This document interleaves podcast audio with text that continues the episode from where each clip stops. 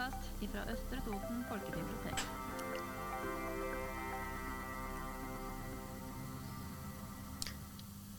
Hei og velkommen til Litterær stund med Toril og Hanne.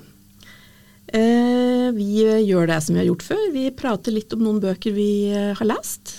Vi har òg pratet om dem på Litterær stund i biblioteket, men nå lager vi en podkast, vi, Toril. Det skal vi gjøre. Og i dag så er det jeg som skal begynne med noen bøker.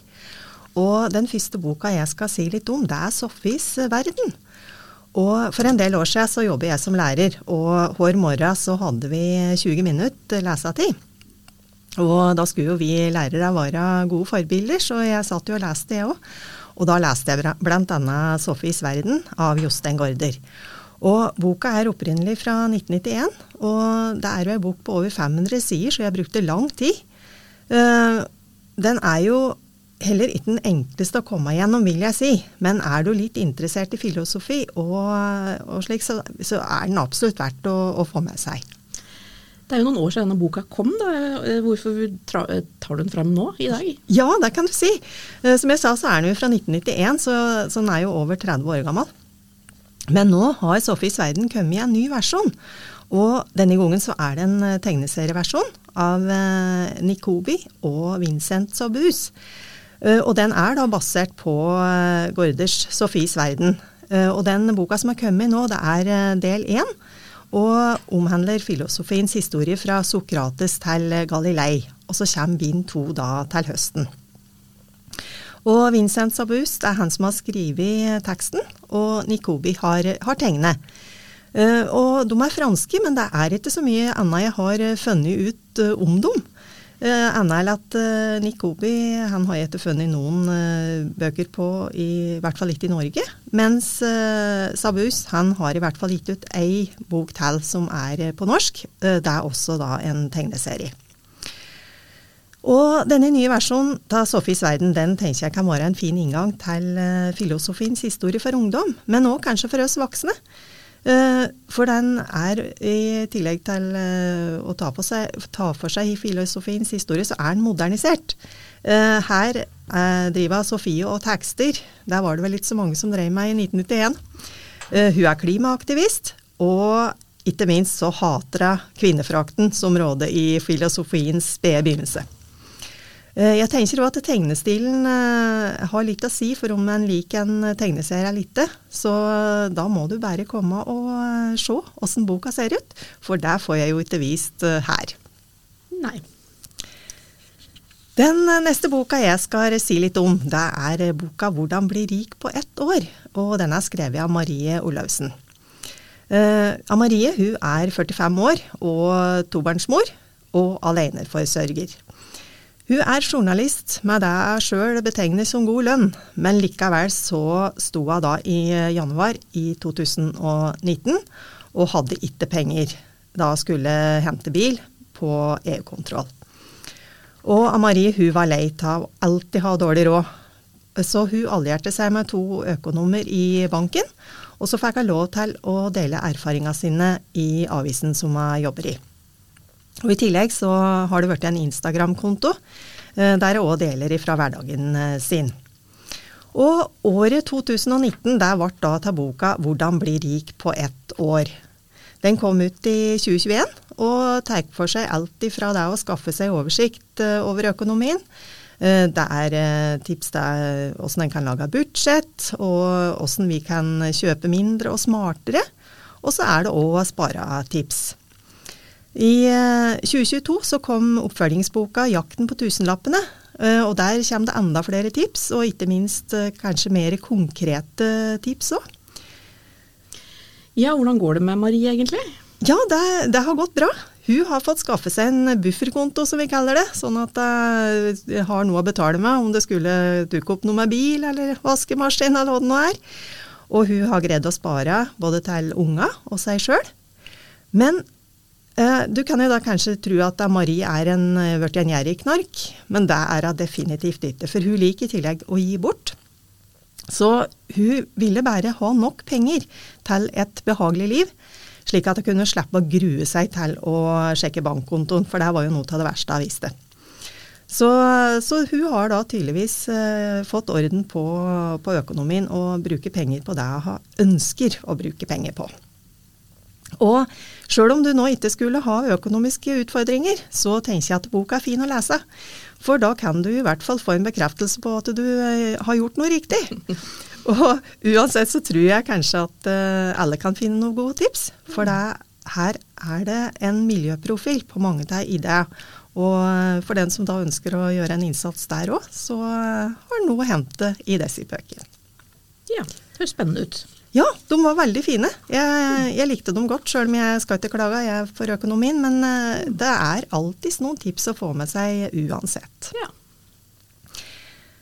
Den siste boka jeg skal si litt om, det er ei bok som er skrevet av en irsk forfatter og journalist, og hun heter Anne O'Loughlin.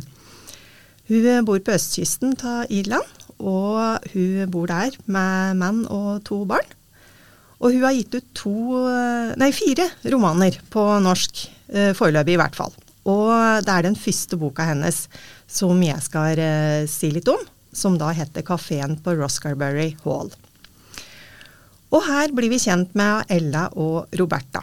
De deler bolig på landsbygda i Irland, i en eh, forfallen herregård, eh, der de bor i hver sin del av huset. Og disse to eldre søstrene, eh, sjøl om de bor i samme boligen, så har de ikke vekslet et eneste ord på flere tiår. All kommunikasjon foregår ved hjelp av små lapper, og det er lapper som inneholder heller lite koselige beskjeder.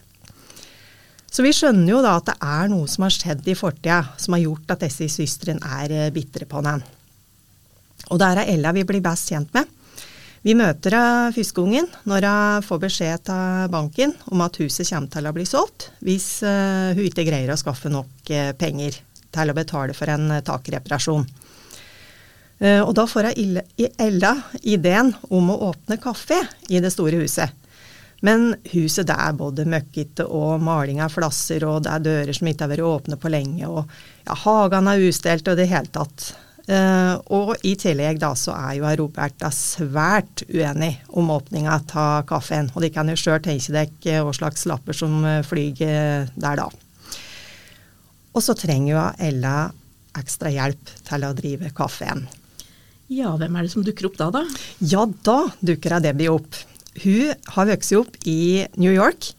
Og hun har vokst opp der med en mor som er ustabil. Og mye av barndommen så har det vært faren og tante Nancy som har tatt seg av. Men så nå er faren død, og Adebi sjøl, hun er alvorlig syk. Og ved et brev som ligger igjen etter faren, så får hun mistanke om at hun kanskje opprinnelig er fra Irland, og at foreldra adopterte henne når hun var helt liten. Så derfor så reiser hun da til landsbyen der som Ella og Roberta bor, for å prøve å finne de biologiske foreldra sine. Og der er det et kloster for ugifte mødre som har noen hemmeligheter. Og for å finne den sannheten, så ja, da bruker han nok litt tid, for det viser seg å bli vanskelig. Og det er da i mellomtida der at hun skaffer seg jobb på kaffen på Roscarbury Hall. Og etter hvert så kommer det jo fram en liten pen fortid på klosteret. Og da er jo spørsmålet rekker Debbie å få vite sannheten før hun dør. Og så kan det jo hende at det òg er noen andre som har noen hemmeligheter. Dette er forfatterens debutbok, og det tok nok litt tid før jeg kom inn i boka, og hvorfor ei tid vi var i. For den hopper i tid, imellom 2008 og rundt år 1960. Men jeg vil likevel anbefale den. I hvert fall for den som er glad i Irland og historie og kanskje litt sånn feel good-bøker. Uh, og skulle du uh, ha lyst til å høre flere, eller lese flere irske bøker, så vet jeg at Hanne har uh, noen bøker òg, som har irske forfattere. Så da overlater jeg ordet til deg. Takk, Toril. Ja, det var litt tilfeldig det at vi hadde vært irske bøker begge to. det begynte med meg at jeg fant frem en bok fra hylla av Anne Enright, irsk forfatter. Eh, boka den heter 'Veien til Bolavon'. Eh, på engelsk heter boka 'The Green Road', og sjølve boka den er helt grønn utapå. Eh, og ute på sånn kanten av en sånn klippe, der står det et hvitt eh, steinhus. Og i bakgrunnen så aner vi liksom Nord-Atlanteren eh, forsvinne helt Det er ingenting før du kommer til eh, det amerikanske kontinentet. Eh, Anne Enright, forfatteren, hun er født i Dublin i 1962 og har jobbet som eh, TV-produsent og regissør. Eh, bøkene hennes tar ofte opp temaer som handler om familieforhold og kjærlighet, identitet og om det å være mor. Samt at hun tar opp eh, Irlands eh, ja, både historie- og samfunnsspørsmål. Hun har skrevet sju romaner, eh, noveller, essays, artikler, og dette her er den sjette romanen hennes. Og boka ble nominert til denne Booker-prisen eh, i 2015. Jeg minnes jeg har hørt noen rykter om at hun skulle komme til litteraturfestivalen i år. Det gjør jeg, vet du. Det var derfor jeg oppdaget, oppdaget denne boka. fordi hun kommer, Nå i slutten av mai er det jo litteraturfestival, som du sier. Og um, Anne Enright hun skal delta på to samtaler den 26. mai, hvis noen er interessert. Den ene den er en samtale om um, altså Hun har skrevet ei bok om de menneskene som står bak det disse litt sånn genierklærte folka. Og hun møter en dansk forfatter i en samtale som også har skrevet en sånn type bok. Så de begge to skildrer da mennesker som står liksom litt sånn i skyggen av et geni. Den andre boka den handler om landsbygda, og da skal jeg prate med vår egen mytting. I programmet står det at det blir en samtale om en tradisjonsrik og konservativ landsbygd i sakte endring. Og uh, i Norge, på samme måte som i Irland, så utvides kløfta mellom by og land. Og hvordan kan slike problemer skildres i litteraturen. Så jeg tenker det blir to spennende samtaler, pluss at det skjer mye annet spennende på Lillehammer, da. Verdt å ta en tur. Absolutt verdt å ta seg en tur dit. Ja. Sjølve boka, da, 'Veien ved Bolavon', den er delt i to. To helt klare deler. Og i den første delen, der den heter 'Reise ut'. Har, Den består av fem kapitler, og hvert familiemedlem eh, i Madigan-familien har eh, fått et kapittel hver. Det er de fire barna og mora Rosalind.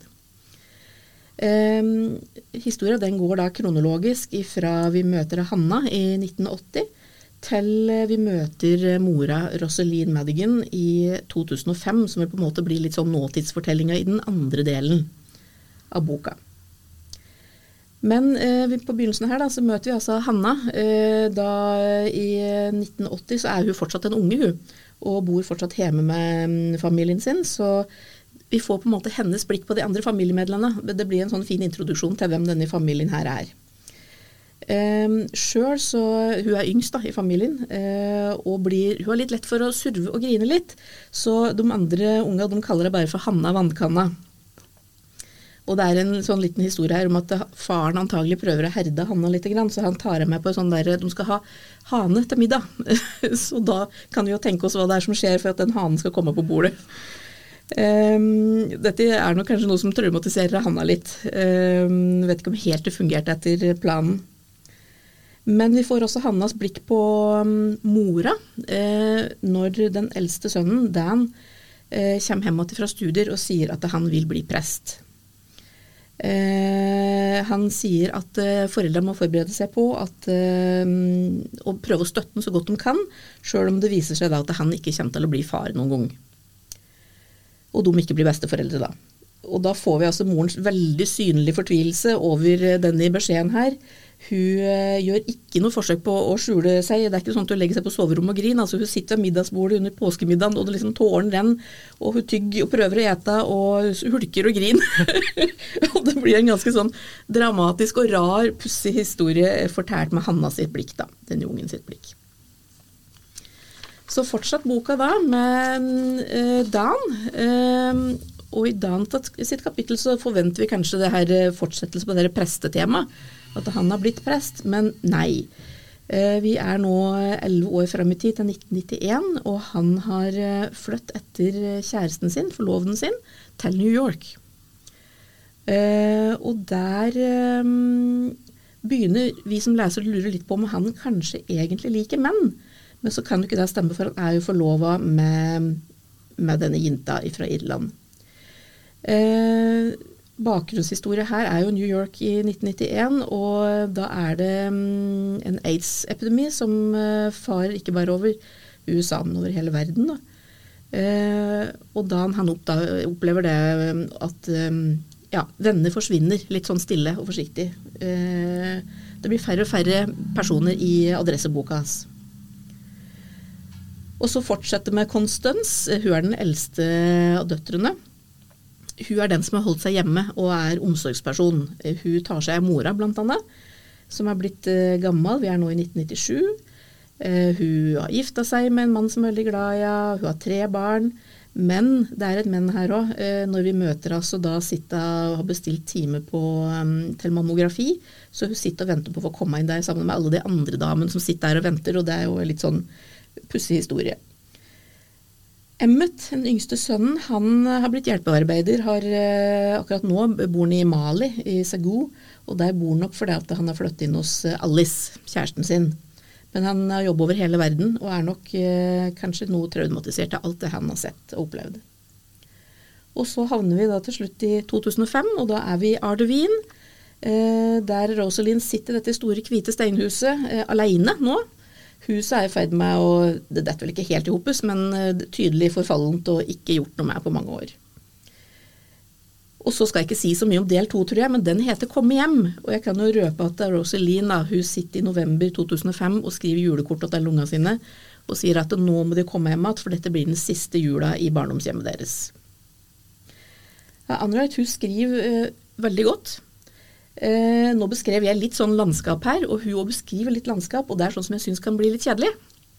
Men hun skriver der én setning, og den er innholdsrik og beskriver ofte noe mer enn bare landskapet. Den sier òg noe om historien og kulturen og, og folka som bor der. Eh, hun har eh, gode karakterskildringer, uh, og disse folka som er med her, de er ikke noen glansbilder. men det er jo litt godt å vite at vi finner ut til slutt at de er egentlig ganske glad i hverandre. Selv om de ikke, flere av dem har sett ham på flere år, når de skal hjem igjen denne jula. da. En god bok anbefales. Og kanskje litt fint at det ikke bare er glansbilder, for vi er vel ikke glansbilder alle vi andre heller, så kanskje er det litt å kjenne seg igjen i tross alt. Det er godt poeng, det. Det er ikke så mange glansbilder av oss. da har jeg ei bok til meg med. Det blir den siste boka i dag. Det er, den er utgitt som en roman. Den eh, er ganske tynn, og eh, sånn jeg oppfatter det, så er det egentlig lang novelle som er utgitt som en roman. Den heter Tre lys på norsk, og er skrevet av Claire Keegan. Den kom i fjor. Uh, Claire Keegan hun er eh, født i 1968 i County Wicklow. Og i den forrige boka, da var vi det sa jeg kanskje ikke, men da var vi litt sånn på vestkysten av Irland. Nå har vi liksom flyttet oss over til østkysten av Irland, inn mot Irske, Irskehavet eller Irskebukta. Claire Keegan hun er øh, yngste datter i en ganske stor katolsk familie. Hun er kjent for å skrive noveller. Og denne boka her, 'Tre lys', den heter 'Foster' på engelsk, og det skjønner vi litt etter hvert. Den også, kom også som film i fjor, og heter da 'The Quiet Girl'. Og hva handler denne boka her om, da? Jeg vet at du òg har lest den, Toril. Um, ja, den syns jeg var veldig fin. Det er noen scener i den boka som jeg ikke glemmer, for den er veldig mm. rørende og fin. Mm. Ja. Han er det, og det er samme med at det sitter noen sånne veldig tydelige bilder. Eh, og det handler om ei ung jente. Eh, eller sånn veldig kort, da, så er det egentlig ei ung jente. Faren kjører henne til eh, noen familiemedlemmer som skal ta seg av en samar. Og så blir hun kjørt tilbake eh, av den familien når sommeren er over tilbake til familien med veldig mye unger, og det har akkurat kommet en ny sønn da inn, eller en ny bror for henne inn i denne familien. Um, så det er liksom bare grunnhistorien, men under, så, og litt sånn som det kanskje ofte gjør i noveller, så ligger det veldig mange småhistorier. Og det er mulig for oss som leser å liksom plukke opp i dette her. og ja, Sånne bilder kan være ei jente som løp, løper så hun er langbeint og løper som vinden. Et annet er at du kommer til et hus uten hemmeligheter, som den her litt sånn fosterbrora hennes sier. Det er en sidehistorie om en far som spiller bort ei ku, og ei ku er jo en verdifull ting. Det sier jo litt om faren, tror jeg. Det er nysgjerrige naboer. Det er òg en veldig viktig ting, voksnes omsorg er òg et tema her. Og alt blir fortalt med denne lille jentas eh, perspektiv, eh, barnets perspektiv. Så jeg syns det, eh, det er vanskelig å si for mye mer uten å liksom fortelle hele boka i hjel.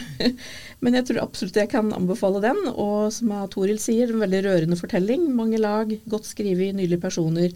Og alt forstås gjennom en jenta. Så det, den anbefales veldig. Ja, det var egentlig det jeg hadde òg i dag. Ja, da håper vi at eh, det er noen bøker du kunne tenkt deg å lese her. Og så sier vi takk for oss. Tusen takk. Ha det bra. Ha det.